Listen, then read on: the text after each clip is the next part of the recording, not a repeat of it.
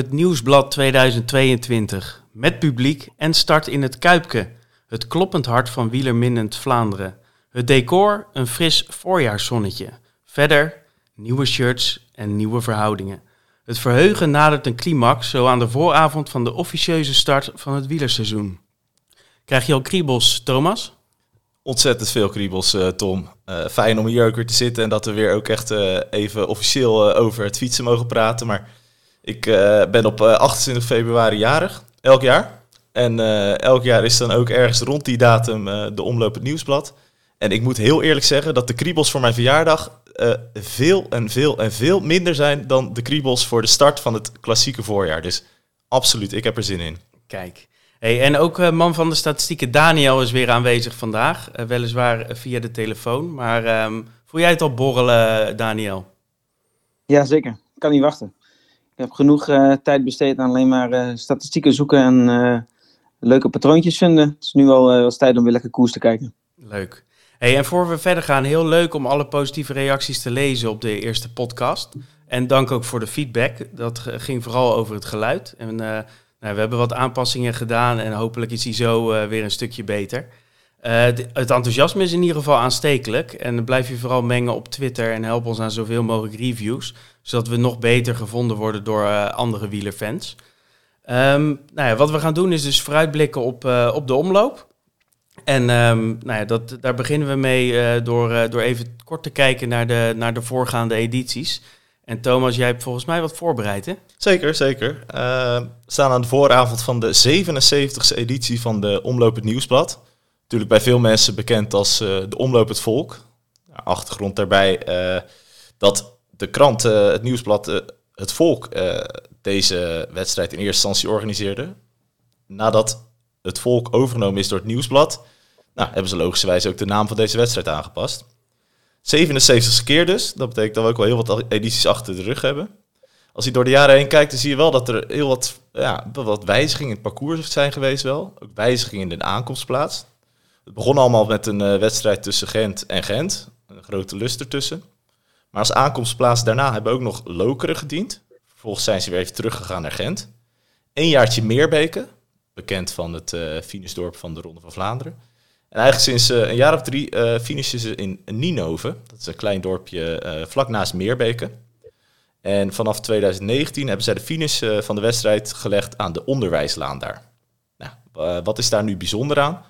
Dat is eigenlijk dat het de finish is die ook in het verleden bij de Ronde van Vlaanderen werd gehanteerd. Dus met de klassieke duo Muur en de Bosberg.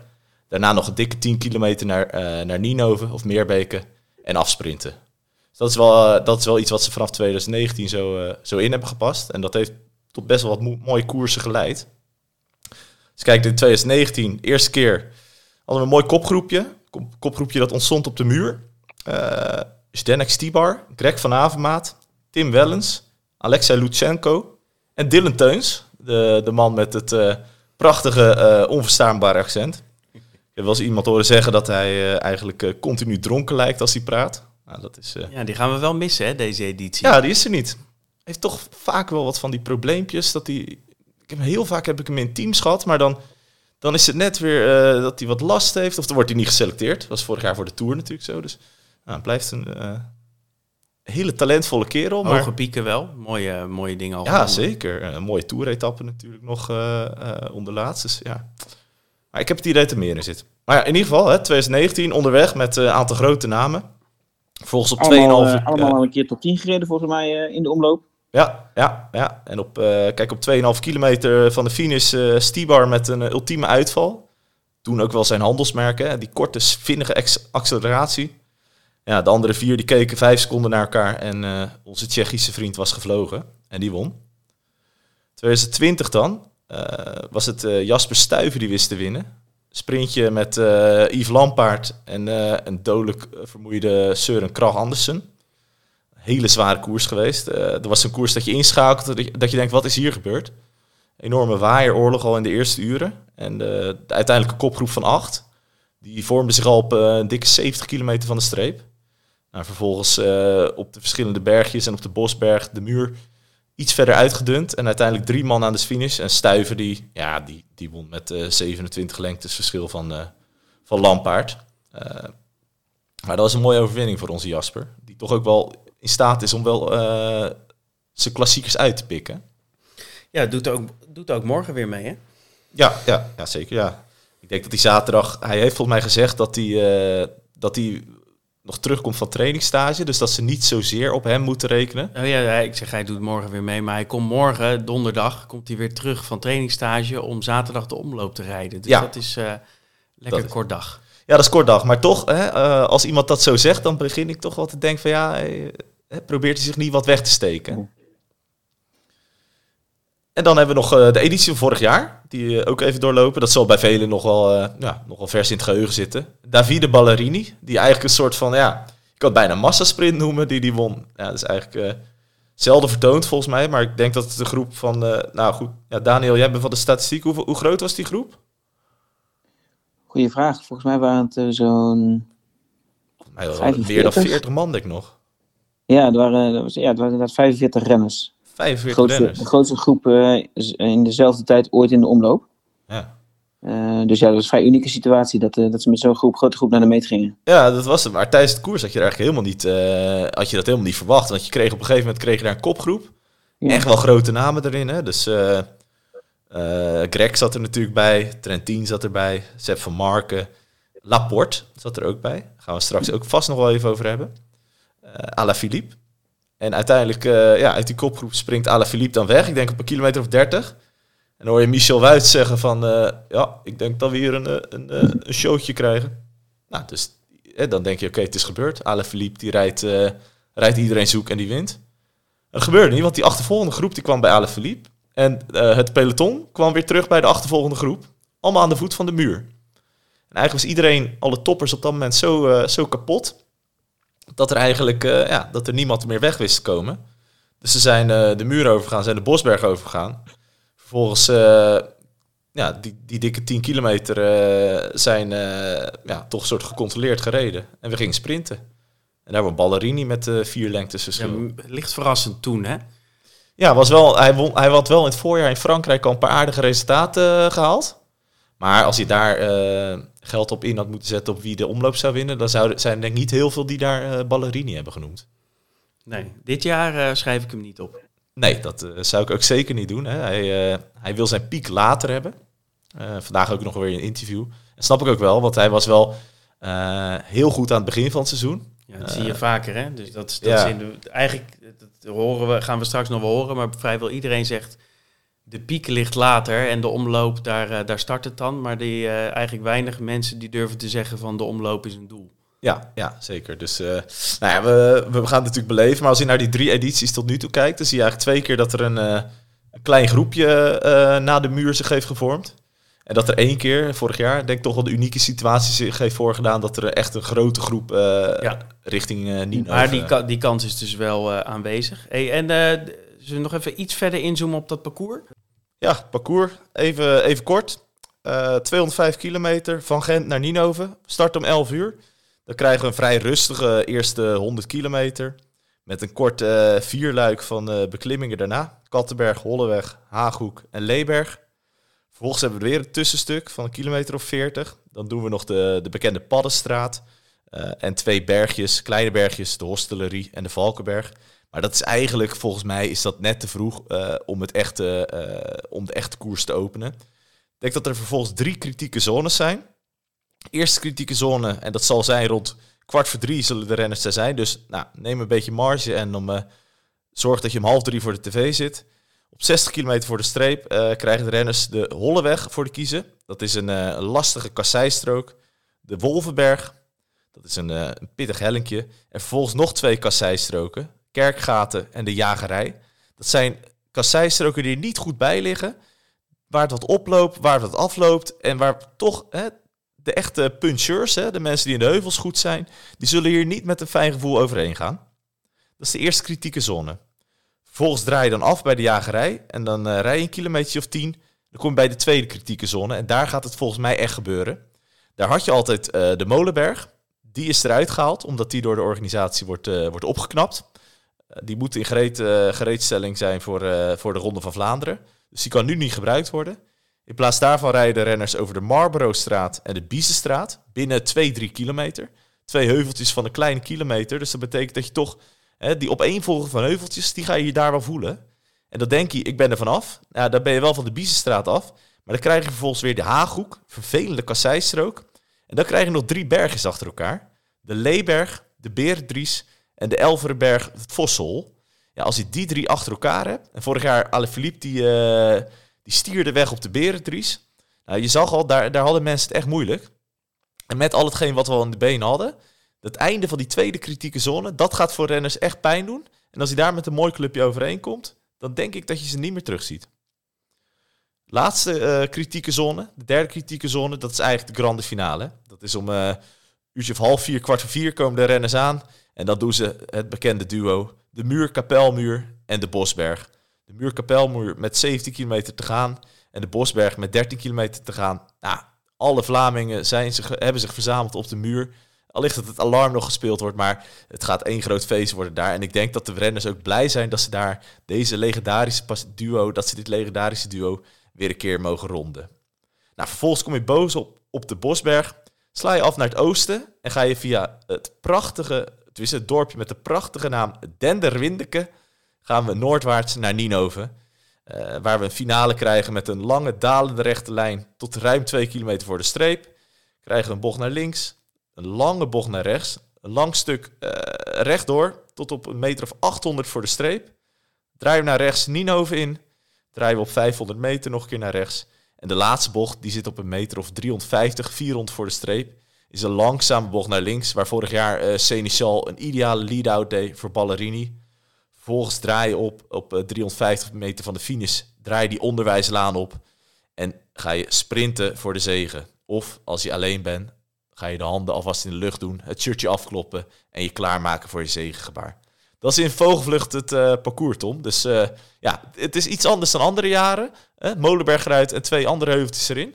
Is ook wel weer leuk. En ik denk dat het zowel voor de heuvelrenners als voor de kasseivreters genoeg reden voor vermaak is. Dan gaan we door naar, naar het weer. Het mag een beetje ja, weerman, weerman spelen. Dus op Tom, zich ook wel, ja. is ook wel eens leuk. Um, maar dat noemen we niet voor niks, want het, dat kan best wel eens invloed hebben. En zeker natuurlijk omdat er veel gereden is en op trainingstage is geweest uh, met de zon op de bol, lekker warm. Ja. Um, nu hebben ze in die zin mazzel, want het blijft droog. Het wordt overwegend zonnig. Um, start zal koud zijn. Uh, dat ligt tegen het vriespunt, 2, 3 oh. graden. En um, in de loop van de dag wordt het wel ietsje warmer. Uh, dan gaan we richting tussen de 5 en de 8 graden gaat het wel. en wat vooral belangrijk ook is, is de, de wind. Ja. maar die is vrij zwak. Zwak? Oh, ja. Dat is dan weer, uh... Dus um, daar hoeven we denk ik uh, niet heel veel rekening mee te houden. Nee. Dus wat dat betreft is het denk ik uh, een mooi koers weer. Alleen wel aan de frisse kant. Dus als je... het zal wel even acclimatiseren zijn. Van, ja, zeker. Ja, dat kan ik me voorstellen. Ja, iedereen die komt natuurlijk van trainingsstage of vanuit die wedstrijden in de Mediterranee, zeg maar. Ja, dus ja. uh, welkom in, uh, in Vlaanderen is het dan. Ja, maar toch ook weer niet, uh, niet, niet verschrikkelijk. Erg, nee, dit wordt, het is, het is geen Mats Pedersen weer, zeg maar. Oh, nou die doet ook niet mee. Nee, dus dat, dat waarschijnlijk daarom. Ja. Hey, en de tactiek, dat is, is voordat we straks natuurlijk naar de, naar de voorspelling gaan die ons eigen orakel Arjan Zoer uit de computer heeft getrokken. Ja. Um, is het natuurlijk ook gewoon uh, belangrijk om, uh, om te kijken van ja, wat kunnen we nou verwachten van die, van die ploegen? Um, volgens mij zijn er een paar uh, scenario's mogelijk. want je hebt natuurlijk een, nou, eigenlijk twee ontzettend sterke blokken. Je hebt Jumbo-Visma, met natuurlijk Van Aert als absolute kopman. En je hebt Quickstep, ja. um, waar denk ik het kopmanschap is verdeeld over een mannetje of drie, vier. Um, en hoe, hoe verhouden ze die zich zeg maar, tot elkaar? Um, Daniel, wat, uh, wat denk jij daarvan? Ja, ik zat dus naar de startlijsten te kijken. En um, ja, wat erbij opviel is dat, dat de rollen een beetje omgedraaid lijken te zijn. Hè? Dus uh, of ja, vorig jaar, uh, als je de lijst van vorig jaar kijkt, Van Aert reed dan niet. maar had, had Jumbo, eigenlijk maar één toer mee te spelen. En zeg je dat Quickstep wel eigenlijk in de, eh, door te ontsnappen kon winnen hè, met alle verliep. Maar dat, uh, dat is ook een goede sprint achter de hand hadden met, met Ballerini. Eh, terwijl dit jaar die uitgesproken snelle man aan de meter bij Quickstep niet aan de stad staat. Eh, Jumbo dat wel heeft en eigenlijk ook met nieuwe aanwinsten als, als Benoot en ehm, hoe is die andere, is die andere jongen die, die erbij is gekomen? Van de Zanden zit erbij. Van, ja, van de Zanden. Nee, Laporte natuurlijk, die, maar die, die gaat niet rijden. Ja, precies. Hebben, die, hebben, die hebben inderdaad, wat dat betreft, het mooiste. Nu heeft Quickstep met Seneschal en Asgreen natuurlijk ook geen trage mannen. Maar ik denk dat ze allemaal niet met Van Aert uh, naar de streep willen. Dat denk ik ook niet. Maar weet je nog, die vorig jaar in de, in de Vuelta, die sprint die uh, Seneschal aantrok voor Jacobsen? Ja, was die blij mee, hè, Jacobsen? Eh, dat won de Seneschal uiteindelijk zelf. Nou, ja, dat is ook een snelle man. Ja. Dat, is, dat is wel een rappe man, maar ik ben het wel met je eens, Daniel. Als je kijkt, vorig jaar uh, zat de rappe man duidelijk bij Quickstep. En nu zullen ze niet in zo'n pelotonnetje met Van Aert naar de streep uh, willen rijden, verwacht ik. Nee, en als we dan even in de, in de huid van, uh, van Jumbo-Visma kruipen, wat, wat, wat zou de, de beste tactiek zijn op winst volgens, uh, volgens jou, Thomas? Ja, ik ben altijd wel van, de, van mening dat als je een sterk team hebt, dat je dat ook wel moet, uh, moet benutten, ook in eerdere delen van de koers al. Dus dat betekent wel een stukje de koers toch hard maken, om ook maar gewoon even te testen hoe het met die tegenstanders is. En ja, ik vind het, je hoort nu ook geluiden van, hè, moeten ze dan echt op de sprint gaan rijden van Van Aert? Maar ja, dat, weet je, dat is in klassiekers is dat best wel lastig. Hè? Je kan altijd met pech te maken krijgen. Of weet je, stel dat Van Aert net niet helemaal lekker uit, uh, uit die hoogste stage komt. Als ik uh, Jumbo-Visma zou zijn, zou ik toch ook wel in die eerste, eerste twee kritieke zones... toch al met een, uh, met een Van Hooijdonk, met een Van de Zanden... toch eens een paar keer gewoon even lekker doortrekken op kop... om te kijken wat eraan blijft hangen. Ja, de grote vraag is natuurlijk of we een soort van controle gaan zien hè, van Jumbo-Visma. het laatste nieuws dat we hebben gehoord is dat Laporte uh, toch een sprinter uh, niet gaat rijden. En dat Affini, toch een tempobul, Italiaanse tempobul, dat die de, de plaats inneemt. Dat doet een beetje vermoeden dat ze toch willen controleren. Ja, ja, ja het, zou kunnen. Al heb ik wel mijn twijfels of Affini goed genoeg is om, om de heuvels te doorstaan. En dan is het even de vraag hoe ver hij kan komen. ik zie hem er zijn andere ploegen ook, en daar komen we misschien straks op. Misschien kunnen we het nu al noemen. Ik denk eerlijk gezegd dat er ook wel ploegen als een Lotto bijvoorbeeld. Ja, dat zijn echt van die ploegen bij uitstek die, die niet zitten te wachten om met een grote groep naar de streep te gaan. En ik verwacht eigenlijk dat, dat er ook wel ploegen zijn die er vroeg aan beginnen. En dan, ja, dan denk ik dat onze Eduardo uh, er snel uh, nee, Die zal zeker zeg maar, uh, wat eerder de, in, de, in de trein zeg maar, zitten. Ik denk dat Benoot en Teunissen en, en wellicht Van Hooijdonk ja. Dat, die, dat die het laatste zeg maar, bij, bij Van Aert blijven. Hey, en als we even door de quickstrap-bril kijken, hoe, hoe kunnen die het beste winnen? Quickstep, ja. Ehm, ik denk dat ze, ze hebben het daar vier kopmannen. Ze hebben het over Lampaard, Seneschal, Askreen en de oude vos Stibar persoonlijk, daar hadden het van de week natuurlijk ook al over. Denk ik dat Seneschal en Lampaard op dit moment de beste vorm hebben. Ja, en dat denk ik dat, dat ook zij zullen proberen om de groep kleiner te maken. Om te zorgen en dat je, dat je Lampaard, Seneschal en wellicht ook een, een Asgreen en een Stibar. Dat is natuurlijk de, de, de klassieke Wolfpack-tactiek ja. vol gas geven op het moment dat je niet verwacht. Ja, degene die waarschijnlijk het minst zijn, die gaan het eerst. Ja, um, nou ja vorig jaar was uh, Lampaard, die begon eraan. Hè? Die begon op een kilometer of 60 al uh, gas te geven. Voor Alaphilippe.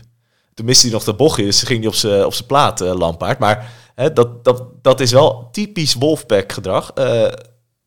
werken voor de sterkste en ook gewoon er op tijd aan beginnen. Ja, want van aard isoleren, uh, denk ik, is, is voor hun natuurlijk uh, het mooiste om te doen. Want ze willen dat relatieve overtal van vier, als ze al zo sterk zijn dat ze een overtal kunnen creëren, willen ze natuurlijk uitspelen. Hey, en dan hebben we nog één sluipmoordenaar, Pitcock. Um, nou ja, volgens mij, als, als Pitcock er zin in heeft, dan nou ja, berg je dan maar. Wat is zijn tactiek, denk je, Daniel, om tot winst te komen? Ik denk dat hij zijn, eh, zijn koers wel af gaat stemmen op een van zijn grote rivalen. Dus hij zal veel naar Van Aert kijken. Alhoewel, hij is ook niet bang om, eh, om een koers te openen en zelf koers te maken. Dus uh, als hij zich goed voelt, zal hij meedoen. Ehm, alleen ik was nog niet heel overtuigd als ik hem, naar hem keek in de voorbereidingskoers die hij reed. Dus hij is nog niet heel veel laten zien. Maar je weet ook bij Pitcock dat hij zich heel goed kan wegstoppen. We hebben de Vuelta ook gezien dat hij niet echt voor de overwinningen meedeed. Maar dat hij, dat hij toch op zijn momenten wel weer zijn vorm pakt. Dus als hij zijn, zijn doel ergens van gemaakt heeft, dan gaat hij er wel voor. En dan zal hij er wel staan. Ja, het is eigenlijk vooral bij Pitcock is de vraag, heeft hij er zin in? Ja, ja dat lijkt het wel op, ja. Maar ik kan me niet voorstellen dat je hier zo wielrenner bent en dan mag je daar uh, weer zo'n eerste klassieke rijden. Publiek erbij. Publiek erbij, uh, weet je, het Vlaamse publiek, wielergek. En dat jij dan denkt van, nou, nah, voor vandaag niet. Kijk, als je in Portugal een rondje rijdt en uh, het is lekker weer. En dat je, Vuelta dacht hij. Ja, maar dat nog ja, daar zit nog weer die frustratie bij jou. Hè? Dat, ja, dat, dat mochten we eigenlijk niet over hebben. Natuurlijk. Dat doet pijn. Nee, maar kijk, eh, in principe is, is in mijn ogen als Pitcock zijn, uh, zijn karretje achter van aard hangt en die niet laat gaan, dan is dat toch een hele vervelende om ook mee, mee te gaan sprinten. Ja. Dat hebben we in de Amsterdam Gold gezien natuurlijk vorig jaar. Nou ja, ze hebben volgens mij vorig jaar twee keer gesprint uh, in vier dagen of in vijf dagen met uh, Brabant Spijl. toen won Pitcock en de Amsterdam Gold Race won van aard. Schijnt schijnt. Uh, dus ja, uh, ik denk ook dat Van Aert dan niet heel lekker zit. Hey, en dan hebben we nog een super... Uh, ja, we hebben het pas over twee ploegen in principe gehad. Twee en Ineos. Um, ja, er zijn natuurlijk nog veel meer ploegen die kans maken op winst. Um, maar goed, er zijn twee grote blokken. Hoe kunnen ze nou die het beste bestrijden? Denk jij, Thomas? De andere ploegen? De andere ploegen. Dus denk aan de Lotto's. Ja. Denk aan UAE je hebt eigenlijk... Astana. Je hebt natuurlijk twee, twee tactieken daarin hè, die ze kunnen doen. Uh, de een is gewoon echt uh, ja, toch heel vroeg openen. Met veel mensen. Dus als je bijvoorbeeld Lotto ziet, uh, hebben in de breedte best wel sterke ploeg. Maar niet die echte afmaker, zou je zeggen. Dus ja, wat ik zou verwachten van Lotto is dat die er wel gebaat zou bij zijn, bij zijn om in ieder geval in de vroege vlucht of in een wat vroegere vlucht al één of twee mannen mee te hebben. Zodat dan eventueel een uh, Wellens of een Kampenaerts. Hè? Het zijn toch jongens die... Uh... Ja, wacht, wachten op de, op de sprint is geen optie voor Nee, dat is geen optie. Dus dan kan je maar beter snel aan beginnen. En dan, uh, ja... Kijken wat, hoe, hoe, sterk ze wel niet zijn. Ik denk ook dat dat, wat dat betreft, zeker voor Lotto, zal dat een goede tactiek zijn. Um, maar je hebt eigenlijk twee tactieken. Of te vroeg aan beginnen, of wachten. Nou ja, Lotto kan niet wachten. Nee. Uh, en zo zijn er wel een paar ploegen die wel wat rappe mannen hebben. Maar ik denk nogmaals, je zal ah, niet je hebt een, met Van eh, Aert naar de streep rijden. Nee, maar je hebt nog een, uh, een Movistar bijvoorbeeld. Die komen hier met uh, Aramburu en met, met Garcia, Garcia Cortina. Dat zijn allebei redelijk rappe mannen. Maar ook mannen met een aardige punch die een aardige versnelling eruit kunnen gooien. Dus waar je dan op ze hoopt, is dat door het geweld dat er al in die, in die eerdere zones is geweest dat die groep toch wat dunner is. En dat, dat het op de, op de, rond de muur of rond de Bosberg, dat, ja, dat zowel uh, uh, Jumbo als Quickstep toch, ja, dat ze niet meer met zoveel zitten. Nee, en het allerbeste wat er natuurlijk kan gebeuren is dat uh, Jumbo en Quickstep naar elkaar gaan kijken en dat een Wellens er, er tussendoor miept. Ja. Ze kijken naar elkaar, Van Aert kijkt naar Pitcock, Pitcock kijkt naar Asgreen of naar Seneschal of naar Lampaard en uh, wel eens is gevlogen. Dat zou natuurlijk het meest ideale scenario Het is ook zijn spel hè, wat gespeeld wordt. Want uh, Lampaard had nu ook wel een interview aangegeven van... ja, uh, ik heb gehoord dat Jumbo... dat, dat, die ons, dat die ons heel gevaar... dat die sterker zijn. Nou, laat ze het maar zien dan. Dus weet je, we moeten ook gewoon kijken hoe het loopt. Maar dat er oorlog gaat komen en dat de ploegen naar elkaar gaan kijken... dat is wel zeker. Ja. Hey Daniel, um, nou ja, statistieken, dat, dat is jouw ding... Kun jij, uh, kun jij wat leuke dingen opnoemen voor de omloop? Jazeker, we hebben een, uh, zowel in Pro Cycling Stats gedoken als in uh, de eigen database bekeken. Um, ehm, 77ste keer de omloop. En er is redelijk vaak een, een Bel gewonnen. 57 van de 77 keer won er, 76 keer won er een Belg. ook de laatste jaren veel Belgische top 10's. De laatste zes jaar bijvoorbeeld 45% van alle top 10 plaatsen voor een Belg. Dat is het meeste van alle, alle eendagskoersen koers op uh, World niveau. Dus um, nou ja, de, Belgen kijken altijd heel erg uit naar de start van het uh, wielerseizoen in de omloop. En uh, met recht, want nou, de omloop is echt het terrein voor, voor de Belgen. als we kijken naar de leeftijd van de top 10, welke jongens, welke jongens doen het uiteindelijk goed? Zijn het de meer ervaren renners of juist renners die wat jonger zijn? Nou, ten opzichte van andere koersen heeft de omloop gemiddeld een relatief jonge top 10. Alleen in Milaan-Sanremo, E3 en Gent-Wevelgem heeft de top 10 een vergelijkbare leeftijd. En de rest als allemaal ouder. En het andere uiterste staat Parijs-Roubaix, waar je echt veel, ja, veel jaren op de fiets nodig hebt om te winnen. En ook uh, de Wassepel, waar uh, winnaars vaak ouder zijn. Het is de koers van de ehm, rookies dus. En het lijkt erop dat mensen die, of de, de renners die uh, nog redelijk jong zijn, betrekkelijk jong zijn, daar goed presteren. Ja, de gemiddelde leeftijd van de top 10 is 27,9 jaar. Dus um, een ja. beetje vergelijkbaar met de, met de piekleeftijd die, die vaak genoemd wordt als rond de 27, ja. 8. Ja. Misschien hebben ze ook gewoon uh, hebben de jonge die jonkies iets minder, uh, iets minder koersen nodig om uh, echt in vorm te komen. Zat ik nog te denken. Dat bijvoorbeeld die ja. ouderen, voordat die stramme spieren weer helemaal, helemaal warm zijn. Voordat ze weer los zijn. Ja. ja. Maar goed. Zou kunnen. Mooie statistiek. Ga door. Ja, de, de records. Hè. Welke, welke mannen hebben nu heel vaak goed gereden in, in de omloop? Nou, er zijn twee mannen aan staan aan de stad die, die zich echt bij de, bij de recordhouders kunnen voegen. En dat zijn Van Avermaat en Gilbert. Uh, Gilbert uh, gaat voor de zestiende keer deelnemen, als we de startlijst mogen geloven. En uh, met die zestiende deelname komt hij op gelijk, gelijke hoogte met Andreas Klier en Hino.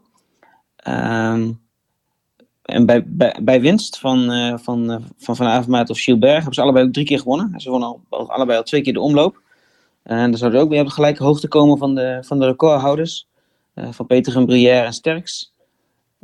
en zelfs als um, Greg van top 10 rijdt, dan is dat zijn negende top 10 prestatie. En daarmee zou hij dan op gelijke hoogte komen met Jan Raas. Dus voor vanavond maar staan er flink wat records die te behalen zijn als hij, als hij het goed doet komende zaterdag. Um, en bij, vijf, bij de vijftiende keer finish voor beide. Ze zijn allebei vaak gestart en ze kunnen voor de vijftiende keer finishen in deze editie. En ze zullen ook bovenaan de lijst staan. Dus er zijn veel, veel records te behalen voor Van Avermaat en Gilbert. En als we kijken naar de deelnemerslijst van dit jaar, is, uh, is Sheffield de jongste op de startlijst. Uh, 19 jaar en 313 dagen op het moment van de omloop. Um, er zijn nog een aantal keren uh, jongere deelnemers geweest, waaronder in 2019 Quinn Simmons, of 2020, 2020 denk ik. Met 18 jaar, 297 dagen. Ja. ja. En ook vorig jaar was Olaf Kooi ook jonger dan, dan Sheffield komende zaterdag. Mooi. Dat is wel heel jong ja. trouwens, 19 maar goed. Ja, dat is inderdaad uh, de jongens. ook niet echt als een grote kans hebben volgens mij, uh, Sheffield. Nee, maar toch bij Ineos, um, ja, wie weet dat nou, hij... Dat hij een etappe in uh, Portugal. Precies, hij heeft een etappe gewonnen, ja. Late ja. uitval. Ja. Nou, misschien kun je deze uitspraak tegen me gebruiken straks. ja, ik verwacht ook niet dat hij wint, maar uh, als hij een etappe ja. wint, dan... En jullie zeiden het al, hè, de unieke unieke grote groep van afgelopen, afgelopen keer. Dat is inderdaad uniek. Vaak is de winnaar solo in, uh, in de omloop. Elf keer sinds, 2000, sinds het jaar 2000. Uh, elf keer solo en dan vaak in een klein groepje. En slechts uh, vier keer in de geschiedenis won iemand solo met meer dan een minuut voorsprong. Dat gebeurde uh, niet zo vaak. Um, Gilbert won met 58 seconden voorsprong in 2008. Dat is nog wel één die we allemaal herinneren, denk ik. Dat is inmiddels bijna 15 jaar geleden. Maar want hij een enorme som solo in de omloop toen. Uh, en de laatste die met meer dan 10 seconden voorsprong was, dat was Valgren in 2018. Die had uh, 12 seconden voorsprong uh, aan de finish. nou ja, 2021 dus de grootste groep in dezelfde tijd ooit in de omloop. Dus vaak kleinere groepjes of, of solo aankomsten. Hm. En als we dan een sprongetje maken naar de prestaties van, van de huidige actieve renners en de, en de mensen die op de startlijst staan, hebben we zes voormalige winnaars op de startlijst. Uh, eerder genoemde vanavond Maat Gilbert, maar ook van Marcus Stuiven, Stibar en Valgren. Uh, dat is vrij veel wel, hè? Zes man die die, die die omloop wel eens hebben gewonnen aan de start. Ja, Mooie, ja dat is best een, uh, best een, een, een, rijtje van winnaars. Um, durf niet te zeggen hoe dat in andere koersen zit, of daar meer voormalige winnaars aan de start staan. Zou ik nog eens kunnen uitzoeken in de toekomst. en 29 mannen hebben alles top 10 gereden die, die aan de omloop deelnemen dit jaar.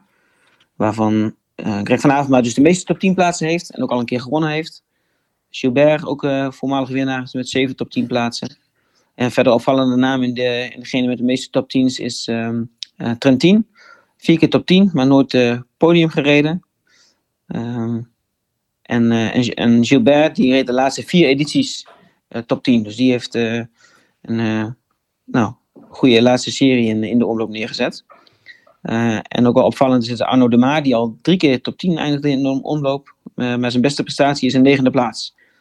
Dus die, uh, het is al vaak gelukt om eens, om eens mee te sprinten in een groepje, maar... Uh, ja, die won misschien vaak de sprint van het uh, achtervolgende peloton of zoiets dan. Kan ik me zo voorstellen. Ja, achter het groepje. Ja, ja. Die, ja. Maar Gilbert heeft dan, die heeft een rijtje, die, die moet voor de nummer to vijfde top 10 op een rij gaan dan. Ja, dat zou wat zijn. Ja. denken jullie, heeft hij het, heeft hij het in zich voor deze editie? Nou, ik denk heel eerlijk gezegd dat Gilbert eigenlijk uh, alleen nog maar bezig is met uh, Milan Sanremo, dan kan hij natuurlijk zijn reeks van monumenten voltooien. Mhm. En ja, nee, ik, ik verwacht, uh, hij zal ongetwijfeld in beeld rijden een keer, maar ik, ik zie hem niet, niet winnen Ja, top, nee, winnen niet met top 10 zou in Zou kunnen, ja, want hij is, hij, is niet, hij is niet langzaam. Al vraag ik het me af of hij dat dit keer gaat, gaat lukken. Je hebt ook gekeken naar die koersdagen uh, voor de uh, omlopen. Dat is, vind ik wel een heel interessant, uh, Daniel. Ja, jullie zeiden het al, hè? De, veel veel, veel Jumbo-renners komen direct terug van, van hoogtestage. Staan met hun eerste koers ja, aan de start van, van de omloop, zonder, zonder koersdagen in de benen. ja, ik heb even gekeken, de laatste zes jaar. slechts vier keer iemand top 10 geëindigd die nog geen koersdagen in de benen had voor de omloop. Dat was uh, Mike Teunis in 2020, Karl Andersen ook in 2020. Uh, eh, Genier, of Geniets, Genier geloof ik, hè, vorig jaar. En uh, in 2018. Dus dat zijn de enige in de afgelopen zes jaar die zonder koersdagen in de benen top 10 wisten te rijden. En, uh, en de winnaar in de laatste 22 edities had ook minstens vijf en vaker dan dat al tien, benen in de, tien dagen in de benen. Ja. voor, voordat ze de omloop wonnen. Dus het spreekt niet in het voordeel van, eh, van de Jumbo-mannen zoals het eh, nu lijkt. Nee. Nou ja, ik weet niet of dat... Um, het zou best kunnen, hè, dat dat toch een soort van veranderende statistiek is. In de zin van, ze zijn wel een heel stuk verder ook met die hoogtestages. Hè? Dus de vraag is wel een beetje of het inderdaad nog nodig is om die koersdagen in de benen te hebben. Maar stiekem denk ik dat dat toch wel handig is. Ze hebben het al vaak over koershardheid. Ja, dat hè. Maar ja, aan de andere kant weet je, een uh, Van Aert bijvoorbeeld, die zegt altijd van zichzelf dat hij na een hoogtestage altijd uh, heel goed is. Ja, maar als je dus uh, zeg maar een hele winter niet hebt gereden, volgens ja. mij wat, je, wat los van je, hoe je benen zijn, denk ik dat überhaupt dat je weer moet wennen aan in zo'n peloton ja. rijden en wringen en doen. En ik denk dat dat ook heel veel energie kost. Dus ik geloof eigenlijk dat dat eigenlijk bijna wel het grootste nadeel is van terug van geen koersdagen voor zo'n uh, voor zo'n piek. Ja. Maar goed, uh, Daniel, ga door. Ja, dus in de laatste zes jaar uh, moest, had iemand gemiddeld negen koersdagen in de benen voordat hij top 10 kon rijden, rijden in de omloop. Dus zeg wel dat. dat is veel wel, hè? Ja dat, er, ja, dat er best wel wat koersdagen nodig lijken, in ieder geval voor, voor een goede prestatie. Maar wie weet verandert het dit jaar. Um, ja, afsluitende statistiekjes. Uh, we hebben het dan wel over de omloop, maar uh, de tweede koers in het openingsweekend is natuurlijk Kuurne Brussel Kuurne. Um, 29 keer sinds 2000 uh, reed de renner twee keer top 10 in het openingsweekend. En het beste resultaat wist, wist Peter Sagan te behalen in 2017. Werd tweede in de omloop en eerste in Kuurne. Dus dat is een gesommeerd resultaat van drie. En er kwam niemand, niemand echt in de buurt. Um, Jasper Stuyven lukt het ook regelmatig om, uh, om top 10 te eindigen in beide koers in het openingsweekend. Is het al drie keer gelukt. En dat is eigenlijk de renner in de laatste 22 jaar die dat het vaakste presteerde. Uh, Bonen en Trentin wisten het twee keer te doen. Hè, die dubbele top 10 in het openingsweekend. Uh, maar Stuyven dus de enige die het drie keer wist te presteren. en nog even gekeken, hè, als je dan niet op de rennenniveau kijkt, maar naar, naar de teams en naar de nationaliteiten. Quickstep is natuurlijk de ploeg van, uh, van, van deze koersen en ook de ploeg van de omloop. En de renners die nu onder contract staan bij Quickstep, uh, die hebben 20 keer top 10 gereden in het, in het openingsweekend. Um, en ze worden gevolgd door uh, Dezer en Total Energies. Die hebben allebei 15 top 10 plaatsen in hun gelederen. Um, ja, en zoals ik aan het begin al zei, dus hebben we het cirkeltje weer mooi rond. De Belgen hebben vaak de omloop gewonnen. en ook en ook veruit dus vaakst de top 10 gereden in het, in het openingsweekend. Zowel in de omloop als in, uh, als in Kuurne staan zij, uh, staan zij bovenaan. Um, dus uh, nou, ik denk dat we wel gerecht hebben om goed uit te kijken naar de, de start van het seizoen. Ook als we naar de statistieken kijken. Ja, mooi. Mooie statistieken. Dank ook weer daarvoor. Hey, en dan, ehm, dan pakken we hem door met, met de data. Want we gaan echt naar de, naar de voorspelling eh, eh, voor de omloop. En dan, eh, dan door, de, door de computer van Arjan Zoer. Ehm, zullen we hem even pakken gewoon van, van 10 naar, naar 1? En dan, dan gaan, we, gaan we kijken van wie, wie we missen en ehm, wie, we, wie we zelf ook inschatten dat de hoge ogen gaat gooien. op, op 10 uh, staat Oliver Nase. Dat is, um, is leuk voor hem dat hij mooi in de top Ollie. 10... Uh, ja. Ollie, dat, Ollie in de top 10, hartstikke mooi. Op 9 is Anthony Turgie. Op 8 Stefan Koen. Op uh, 7 Greg. Daar is hij. Greg van Avermaat. Volgens de computer gaat hij dus weer in de top 10. Toch weer top 10. 6 Matteo Trentin. Altijd uh, een goede top 10 ganger. Um, op uh, vijf krijgen we Florian Seneschal. Dan krijgen we op vier Sonny Cobrelli. Op drie Yves Lampaard. Ja, daar is hij. Op twee Casper Asgreen. En op één, hoe kan het ook anders? Onze Wout. Ons Wout. Wout van Aert. Lijkt mij, eh, als je, als je dit zo ziet, uh, Thomas. Ja, mooie namen. En uh, ook wel de namen, denk ik, die, uh, die je zou verwachten in zo'n in zo'n wedstrijd. ja, kijk, als je ziet, je ziet er ook drie van Quickstep die heel hoog staan. Hè? Je ziet van Aert dan van Jumbo. Ik, verwacht, ik had eigenlijk, ik denk als Laporte mee zou hebben gedaan, dat hij ook hoog zou hebben gestaan in het rijtje. ja, de adjudanten van Van Aert allicht iets lager.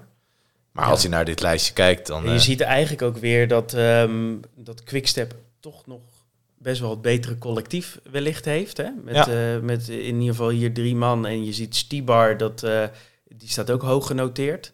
Ja. staat op plek 12, zeg maar, in de, in de ranking. Um, dus Quickstep heeft gewoon echt wel vier man heel hoog staan. En dan heb je gewoon echt een uitgesproken topfavoriet in, in Wout van Aert. Ja. Um, ja, zijn er nog, nog mannen die wij, uh, die wij missen, Daniel? Heb jij, uh, heb jij nog een naam niet gehoord? Ja, ik zat ook aan de rappenmannen te denken. Um, het, is, het is goed weer, goede omstandigheden. Dat zagen we vorig jaar ook, dat er dan ook wel eens een grote groep kan overblijven. Uh, dus dat zat eens te kijken welke, welke rappe mannen staan op de startlijst. En je hebt dan iemand die we nog niet genoemd hebben, is uh, Capio, Amaury Capio. Um, die, die dit voorjaar al een overwinning behaalde. En dat vond ik wel een leuke vanuit statistiek perspectief, want dat was zijn, eerste, zijn eerste profzegen. En na heel veel top 10 plaatsen. Uh, dus ik ben wel benieuwd als er een groepje overblijft of hij iets kan. en ook een snelle man die, die ook al goed gepresteerd heeft dit jaar is, is Koka. die wacht nog altijd op zijn eerste World Tour, zegen. Dus wellicht dat het, als het er een, sprint van een groepje wordt, dat uh, Kokar of Capio kan verrassen. Er zijn wel twee namen die, die ik nog op de lijst zag staan. Uh, twee snelle mannen die, uh, die vanuit de statistieken nog wel interessant zijn. Ja, ja hey, en als we kijken naar, uh, naar Jumbo, um, daar hebben we natuurlijk Van Aert. Dachten we Laporte, maar daar gaat een, gaat een streep doorheen. Wat, wat kunnen we van Benoot en Teunissen verwachten, Thomas? Vind ik lastig. Uh, Benoot heeft een wat lastig jaar gehad bij DSM. Natuurlijk, uh, ik denk dat hij op een gegeven moment ook met zijn hoofd wel zat van, nou weet je, ik voel me hier niet helemaal, uh, niet helemaal thuis. Uh, ja, en als dat gevoel er niet is, ja, dan zie je toch ook vaak bij renners dat de prestaties er ook niet zijn. ik heb best wel veel vertrouwen in, in onze Ties, want ik vind het een, ja, een coureur die, die koersinzicht heeft, die, die slim kan rijden. En die ook, ja, die ook gewoon, naast dat hij prima die heuveltjes overkomt, die ook op het vlakke gewoon zijn mannetje staat en die er ook gewoon niet te beroerd is om in een waaier vol mee te draaien. Van Benoot verwacht ik wel veel. Uh, ja, het is wat lastig, want ze hebben allemaal niks gereden nog. Ze zijn op hoogtestage geweest. Ze hebben denk ik uh, met z'n allen 20.000 keer de tijden opgereden. Maar ja, uh, wat ze op de heuveltjes in België doen, dat moet blijken. Teunissen gun ik het, gun ik het eigenlijk heel erg. Die jongen heeft twee toch wel moeilijke jaren gehad daarvoor de editie die, uh, die Stuiven won, uh, waarbij Lampaard en Krach Andersen mee het podium op gingen. Zat Teunis ook in die kopgroep. Dus hij heeft ervaring hier. Hij weet, hij weet hoe het is om met een kopgroep naar de, naar de muur te rijden. Dus ik hoop dat hij, dat hij die ervaring kan gebruiken. ofwel voor zichzelf, ofwel om Van Aert bij te staan. Ja, en ook Teunissen, die, die zou, als hij als die een keertje meespringt met iemand, dan kan die ook natuurlijk vertrouwen op zijn sprint. Dat is, ja, dat is rap, hè? Die heeft ook nog een wapen over. Ik ben ook heel benieuwd naar zijn vorm. Hey, als we even kijken naar wat andere ploegen. Astana, die hebben, uh, hebben natuurlijk Bad Boy uh, Moscon, ja, ja, nieuw bij de, bij de ploeg. En, en Lutsenko. is toch een mooi olijk duo, lijkt me dat, in de, in de bus. Ik denk dat het um, gezellig is. Ik denk dat het beren gezellig is bij Astana. En um, uh, het is wel weer ook voor Moscon is het de eerste wedstrijd. Want die, uh, die moest zijn seizoenstart, volgens mij ging die naar Mallorca. Maar dat moest hij uitstellen vanwege uh, bronchitis. Dacht corona, maar denk een negatieve test. Toen maakten ze de bronchitis van. En um, ja, ik verwacht dat Moscon wel goed gaat zijn bij zijn nieuwe ploeg. Maar ik, ik twijfel lichtjes of die er morgen, of, of die er zaterdag tijdens de omloop al staat. Um, dan hebben we nog Lutsenko. Ja, die rijdt in principe altijd als een straaljager ook uh, aan het begin uh, van, uh, van het jaar. Ja. Um, ook op elk terrein, hè? Maar ja, gewoon helemaal is, niet uit waar. Die, het, is, het is jammer dat ze die, um, die wedstrijd in de zandbak niet gereden hebben, waar hij ook altijd deelneemt. Maar daar, um, de, daar is hij ook niet bij te houden. nu heeft hij wel die Ruta del Sol gereden. Daar werd hij negende in het, in het eindklassement. Dus zat hij ook een paar keer goed in de daguitslag. Ja. Maar Lutsenko heeft zichzelf natuurlijk vorig jaar een beetje ontdekt als klassementsman, ook in de Tour. Werd zevende volgens mij. Ja. En um, hij heeft ook wel gezegd dat dat echt eigenlijk zijn hoofddoel is van dit jaar. En gek genoeg, ik heb even teruggekeken, is hij niet zo heel goed in het Vlaamse voorjaar. Terwijl die normaal, ja, hij rijdt dus eigenlijk heel goed altijd in januari, februari. Maar zodra die uh, de grens overgaat in België, dan, uh, dan ja. houdt het op het is inderdaad verrassend, want hij heeft wel de kwaliteiten ervoor. En uh, hij heeft ook vorig, uh, naast Ruta del Sol won hij ook nog uh, een koers over allemaal onverharde wegen. Echt steile klimmen. Dat je denkt, nou, dat, dan moet je die heuveltjes in België ook wel aankunnen. Hij is volgens mij één keer, dat, dat was eerder in de, in de show al top 5 gereden. Toen was hij mee het kopgroepje de muur over. Maar voor de rest zie je inderdaad allemaal uitslagen van 80ste, 90ste. En dat je denkt, ja, ja, het lijkt, lijkt altijd heel aantrekkelijk, Lutsenko. Maar voor, uh, voor het voorjaar en voor de omloop weet ja, ik het niet het is lastig. Helemaal. Dus Astana is wat dat betreft wel... Um, ja, ik weet niet helemaal wat ik daarvan moet verwachten met de omloop. Hey, en dan hebben we nog IF met de Valgren. Ja. Um, grillig altijd. Uh, het kan echt helemaal super zijn. En moi um, heeft ook uh, Bessage al gereden. Was vrij anoniem. En, uh, en ook afgestapt in Tour des Alpes. Ja. Ook ziekjes, begreep ik. Uh, dus uh, ja, verwacht ik niet al te veel van voor zaterdag. Nee, hè? Nee, nee ik, ik, later in het voorjaar, denk ik. Nou ja, al, al is Valkeren ook zo iemand waarvan je denkt van... hé, hey, wie rijdt daar? Oh, Valkeren. En ja. dan... Uh, zo heeft hij wel een mooie wedstrijden gewonnen. En dan hebben we Trek, leuke ploeg. Mats Pedersen rijdt niet. die, die wel echt in vorm is. Maar Jasper Stuyven wel. Uh, en met Stuyven is het weer zo dat hij um, ook nog geen koersdagen in de benen heeft. Sterker nog, wat ik net al vertelde, hij komt op donderdag, uh, landt hij en uh, zaterdag mag hij, mag hij rijden. Steven de Jong, zijn ploegleider, die zei ook van verwacht hem niet top in de omloop. Nee. is dat een instinker, Daniel? Of denk je van, ik denk dat we hem niet bij de top 5 hoeven verwachten? Oh, hij heeft vaak goed gepresteerd in de omloop, ook in, uh, ook in. Dus ergens zou je denken, hij wil uh, de aandacht een beetje van zich af. En uh, staat hij er toch weer. Het zou me niet verbazen. maar hij heeft ook aan de, aan de monumenten geroken natuurlijk. Dus wellicht dat hij toch hiermee hoopt iets later in het jaar een keer een gooi te kunnen doen naar de overwinning in een koers als Vlaanderen of Roubaix. Dat natuurlijk. Hij kan wel, hij is altijd wel ongelooflijk constant stuiven. Stuiven, ja, goeie, dat was net ook in die hij, statistiek hij, hij, rijdt ook altijd voor ereplaatsen. Dus wat dat betreft is het wel een fijne uh, puntenpakker, zeg maar. Hey, en eigenlijk misschien wel het, het, het leukste uh, uh, blok is, is toch Lotto. Ja. eigenlijk al jaren is het niet zoveel. En, en nu hebben ze eigenlijk vier man. Um, misschien zelfs wel vijf als je Van Moer erbij denkt. maar met Gilbert, Wellens, Kampenaerts en Florian Vermeers. Um, ja, wat denk jij ervan? Ja, het is een leuk team. Ze zitten in een goede flow, want ze winnen ook echt veel als team uh, dit jaar. En ja, traditioneel uh, mist Lotto ook altijd gigantisch de slag uh, tijdens de omloop, omloop nieuwsblad. Ja, ik kan me bijna niet voorstellen dat dat nu weer gebeurt.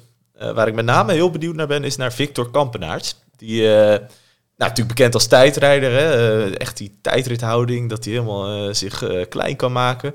En die heeft echt deze winter heeft hij echt tegen zichzelf gezegd... nou, die tijdrit, ik laat het gaan. Hè? Ghana ga ik toch nooit kunnen verslaan. Dus ik ga me richten op het, op het voorjaar. Die heeft zichzelf helemaal weer uitgevonden. Die zegt, ik heb weer zin op te trainen. Ik rij met plezier al die 150 kilometer door de regen... over al die Belgische heuveltjes...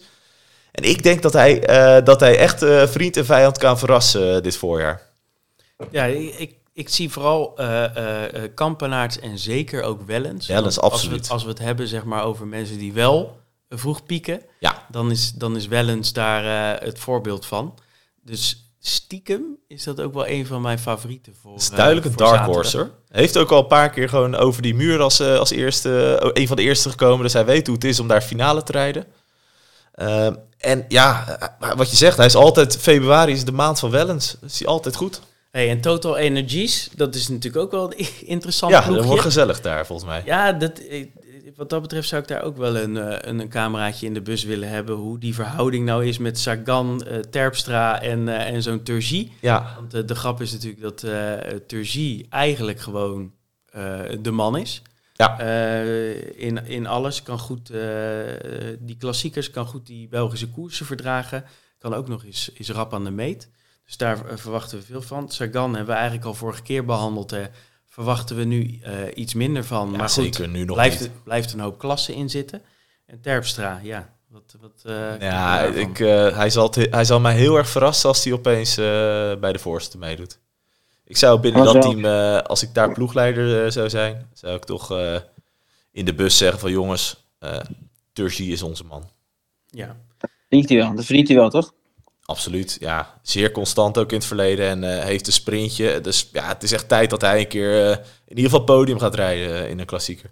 En wat ik ook nog wel leuke ploeg vind om, om te zien hoe, die, hoe die zich houden, is DSM. Ja. Uh, heb je eigenlijk drie man die, die je daar een beetje naar voren kan schuiven. Dat zijn Krach Andersen, uh, Degenkop en Eekhoff. Waarvan die laatste twee, Degenkop en Eekhoff, die hebben nog geen koersdagen. En volgens mij hebben die vooral veel, heel veel samen getraind. Um, Krach Andersen, die reed een hele anonieme tour van Oman. Dus ik moet zeggen, ik kan lastig inschatten wat we van hem mogen verwachten. Wat denk jij, Daniel, dat, die, dat DSM gaat doen in de omloop? Ja, Degenkop is nog niet vaak goed gereden in de omloop. Nog geen top 10 prestatie. Wel twee keer bij de beste 20. En ook zijn gemiddelde resultaat is, is 31ste in zijn drie, drie deelnema, deelnames.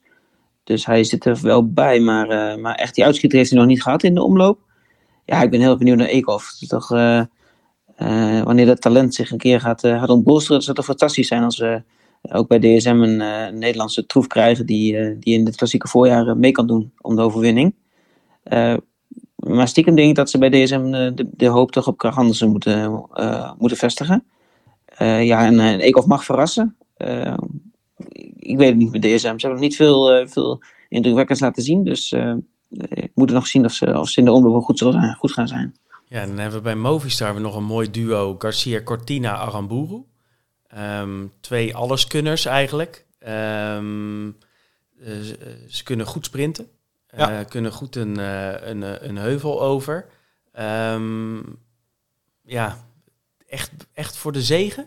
Ja, ik vind het... Ik, ik, normaal zou je zeggen Spaanse ploegen en twee kopmannen gaat het niet worden.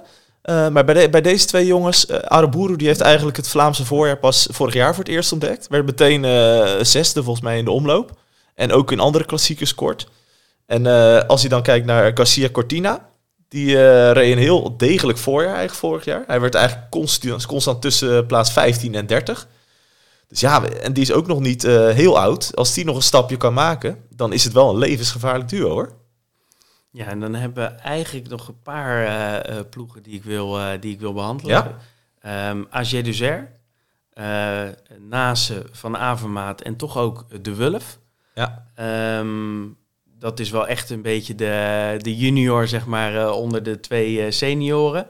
Um, en wat ik wel heel leuk zou vinden is als Nase toch weer wat presteert. Je gunt het hem, hè? Het is een leuke vent ook. eh, altijd lekker actief op de, op de socials ook. En eh, hij, wat ik mooi aan hem vind, is dat hij eh, een, grapje, een grap kan maken over zichzelf. Eh, dat, hij, eh, dat hij gewoon eh, ook eh, zelfspot heeft. En dat, eh, dat maakt het wel mooi. Ja, vorig jaar was gewoon niet goed. Eh, Nee. ge- gezegd ook eh, dat het wellicht in de overtraining eh, zat. Eh, heeft nu gezegd, ik heb een geweldige winter gehad, maar daar komt hij. Mijn piek ligt later. Toch weer, hè? Ja, die piek, dat is echt onvoorstelbaar. Ehm, maar goed, ehm, ik zou het stiekem dus wel leuk vinden. En het, zou, het is zo'n renner waar je niet verbaast. Maar het zou wel eh, het zou leuk zijn als die, eh, als die gewoon weer eh, op de afspraak is. Het zou met name leuk zijn als ze ook echt samen gaan werken. Want het zijn twee vrienden. Dus voor, toen, toen Greg daarheen ging, toen was het van... Nou, eh, die gaan met z'n tweeën gaan ze het, eh, de gevestigde orde lastig maken. Toch vorig jaar weer een paar van die momenten dat je denkt... Nou, jongens, eh, als de een voor de ander rijdt, dan, eh, dan haal je veel beter resultaat. Maar dan worden ze weer 7 en 9 of zo. Ja. Dus, nou ja, Trentin Covey bij eh, UAE. ja Trentin die schijnt heel makkelijk te fietsen, heb ik begrepen. En Kovi die heeft al een paar mooie zegens. Ja, andere kleine interessante naam daar is Akkerman. De sprinter wil ook een beetje zich op de klassiekers richten. Is de vraag of dat ook echt gaat lukken, maar eh, ja, let's see. Ja, en ik denk vooral, kijk, Trentin, die heeft, dat is weer zo'n renner, die heeft al ontzettend veel koersdagen staan. Ja, Ehm, en, en net als Covey overigens. En het is toch wel een leuk Italiaans duo zo bij, eh, bij UAE. Eh, we gaan we een beetje de afronding in. Ehm Wanti. Christophe. Eh, was een beetje... Is een er is beetje discussie over of hij nou rijdt of niet. Want hij staat niet op de voorlopige deelnemerslijst. ja, Onze goede vriend eh Hilaire van de Schuren die heeft eh, gezegd... Nou, Christophe is mijn man zaterdag. Samen met Pasqualon. En je ziet eigenlijk ook op meerdere communicaties vanuit de ploeg... dat Christophe gewoon gaat rijden. En dat hoop ik ook wel. Want vergeet niet, vorig jaar op drie kilometer van de streep... zagen we opeens een schreeuwende Noor in beeld... die een, een lekke band had of zijn ketting eh, vloog eraf. En dat was Christophe. Christophe, als er een groepje bij is van, van meer dan tien man... dan zit hier geheid bij. ja, en hij is eh, nieuw bij de ploeg ook, hè, Ja. bij, bij Wanti. En eh, heeft ook al gewonnen dit jaar. Zeker, ja. Zo- zo'n Christophe, die, eh, die zou, mits fit natuurlijk, want we weten, misschien is het, is het wel zoiets. Maar we gaan er maar vanuit dat hij er gewoon bij is. Bistrum is ook nog wel een Ja. leuke. Is ook, ook een Noor. Ik had, ik had in mijn hoofd dat hij veel jonger was, maar die is ook al 30. Ja, dit is een Ehm, soort van een paar jaar gewoon Ja. beetje buiten de spotlights eh, gestaan. Die, die eh, kwam, komt van UAE. Oh ja. Ehm, en eh, is net als Christophe dan nieuw bij de ploeg. Dus ze hebben een soort van Noorse, Noorse tandem. Nou. Ehm, dus leuk voor, voor Wanti, voor Hilaire. Ja. Ehm Bahrein, Colbrelli. is het natuurlijk een van de toppers. Zagen we ook in de voorspelling van, van Arjan. Maar ook nog niks gereden. Nee, en Colbrelli is altijd, staat er wel onbekend dat hij in de winter nogal eens een eh pastaatje of een pizzaatje extra kan eten. Dus daar moet je toch wel even van kijken hoe die dan aan de start staat van die eerste wedstrijd. Ja, dus, eh, en hij heeft natuurlijk een prachtig seizoen gehad eh, Ja, afgelopen geweldig, jaar. ja. Dus hij had ook reden om een extra pizza en Hij, pastaatje te hij- eten. volledig verdiend, alleen eh, ja, er is meer, meer te rapen. Ehm Mohoric vind ik heel interessant. Ja, Gaat heel veel rijden dit voorjaar. Ehm, heeft ook eh, volgens mij afgelopen seizoen ook al echt wel een paar goede noteringen laten zien. Ehm, maar vaak is het zo, als je op Mohoric rekent, dan wordt het niks. Dus ik... eh, hij is altijd in die, in die Benelux-tour, eh, is hij altijd heel goed. En, maar dat is eigenlijk toch ook, hè? Dat is ook heuveltjes, dat is ook kasseien. Maar goed, ik denk wel wat je zegt inderdaad. Als je denkt van, nou, dit wordt er voor Mahoris, dan wordt het hem niet. Dus, nou ja, laten we vooral niks erover zeggen. Misschien dat hij dan... ja, was Mohoric verrast. zeggen we niks over. nee, Hey, laatste ploeg ehm, die, eh, die wel interessant is eh, in mijn optiek, is eh, Groupama, Ja. FDG. Ehm, ja, als ik het helemaal op zijn Hollands uitzeg, uitspreek, dan is het geniet. Maar ik denk inderdaad dat het genie- Geniets of zo. Of, Ja. ja. het is een Luxemburger, hè? Of niet? Ja. Ja, hij is Luxemburgs kampioen. Ehm, moeten we even een andere naam voor die jongen verzinnen, want dit, dit werkt niet. Kevin heet hij, toch?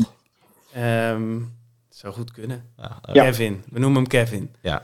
En eh, hebben we Koen, King Koen? Ja. King Koen en eh Stuart. En Dat is Stuart- de eh, nummer twee van eh, vorig jaar, hè? Ja, en eh, dat was eigenlijk ook wel zijn grootste wapenfeit volgens mij Ja. vorig jaar. Ja. Eh, maar toen kwam er echt uh, weer zo'n duveltje uit een doosje dat je denkt van wie, wie sprint daar naar plek 2? En na drie kwartier waren we erachter dat dat Jake Stewart was. Ja. Um, ja, uh, ik ben heel benieuwd eigenlijk of die... Uh, ja, Stewart is, een rappe is, hij is rap en hij is... Maar wat vorig jaar gebeurde is, hij werd daar tweede. En toen een van de wedstrijden daarna is hij door onze vriend uh, Bouhanni is die, ergens een keer onderuit gekegeld. En toen heeft hij volgens mij zijn pols gebroken of zo. Dat kan niet. Ja, nee, ja, zou je zou het niet verwachten, doen. maar... dus hij heeft toen blessure opgelopen. En toen is eigenlijk, wat zijn resultaten vorig jaar waren, niet zo heel denderend. Dus ik zou daar, maar ik ben wel heel erg benieuwd naar Kung. Kung heeft echt een hele sterke uh, ronde van Portugal gereden. Of de Vuelta al Algarve. Uh, die reed daar een uh, tijdrit tweede achter, achter het wonder Remco Evenepoel. Maar ook bergop, want hij, de etappe die Gaudu, zijn teamgenoot Gaudu won, reed hij eigenlijk heel lang op kop, volle bak voor Gaudu. En vervolgens eindigt hij ook nog binnen de 20 seconden. En dat geeft ook altijd wel aan dat het met de vorm wel goed zit. Dus Kung, die, uh, die zou ik zeker ook uh, opschrijven voor een... Uh, die komt zeker een keer in de kopgroep. Voor een ereplaats. En dat is ook weer zo typisch zo iemand die, als iedereen naar elkaar kijkt, dat, je, dat die gaat en dat je hem niet terugziet. Als die gaat en hij heeft een gaatje, dan moet je van een hele goede ijs komen. Hey, en um, nou, dan komen we natuurlijk eventjes op een rondje met wie je denkt dat er gaat winnen. Um, Daniel, doe jij zijn wilde gok? Als ik uh, naar de statistieken kijk, dan uh, zou ik moeten inzetten op Naasten. Want die heeft uh, gemiddeld het beste uitslag gereden in, in, in de omlopen van alle, deelnemers, van, alle, ja, van alle actieve profs, zeg maar. Dus van de statistiek perspectief zet ik het op, op Oliver. En ik gun hem wel, deze mooie World zegen. als ik iets meer vanuit mijn gevoel kijk, zou ik toch voor, voor Lampard gaan. Ik denk dat hij, hij de troef is bij Quickstep die, die uitgespeeld gaat worden en die op het juiste moment voorop komt te zitten. Ja, mooie, mooie voorspelling. Twee, eigenlijk twee leuke winnaars, dus dat, uh, daar kan ik me in vinden. Thomas? Ik uh, ga voor de verrassing. Uh, ja, hij is nog nooit op het podium geweest, maar wel veel, vaak top 10. Dus ik ga voor Matteo Trentin. Oeh. En als ik mag kiezen voor iemand die ik het enorm gun, dan ga ik voor Ties Benoot. Ties Benoot. Vanuit de schaduw van, van Aard rijdt hij weg uit de kopgroepje van een man of zeven. Van Aert uh, stopt af, die controleert. En Benoot. In de modder, die gaat nog even in de modder in. Die doet de, de handen in de lucht. Geen handschoentjes aan Benoten. Handen in de lucht. Op de onderwijslaan in Ninove. Mooi. Denk jij? Ik ga voor, uh, voor Tim Wellens. Tim Wellens. Ja, die rijdt als een straaljager in de ronde de afgelopen weken. En ik denk dat, uh, dat Lotto heeft volgens mij al zeven koersen of iets dergelijks ja, gewonnen. Ja. Gaat echt hard. En ik denk dat die, uh, dat is altijd zo'n uh, zo'n um, sfeertje waar je dan in zit, dat het allemaal goed gaat. Ja. En ik denk dat het voor, uh, voor Lotto goed gaat vallen en dat uh, wel eens zijn handen omhoog mag steken. nog iemand die het gunt? Ja, ik gun het zoveel mensen, joh. Ja? Oh, ja, dat is jammer. Oliver Nase. Oliver Nase toch, hè? Ja. Oliver Nase gun ik het. hey, we gaan hem afronden. dank Daniel voor jouw bijdrages ook weer. Graag gedaan. En ik Leuk zeg, om te beschouwen heel veel plezier uh, met kijken naar het openingsweekend. En uh, Thomas. We gaan elkaar vast weer spreken, Tom. We gaan elkaar weer spreken. Tot in de volgende. Yes. Tot later.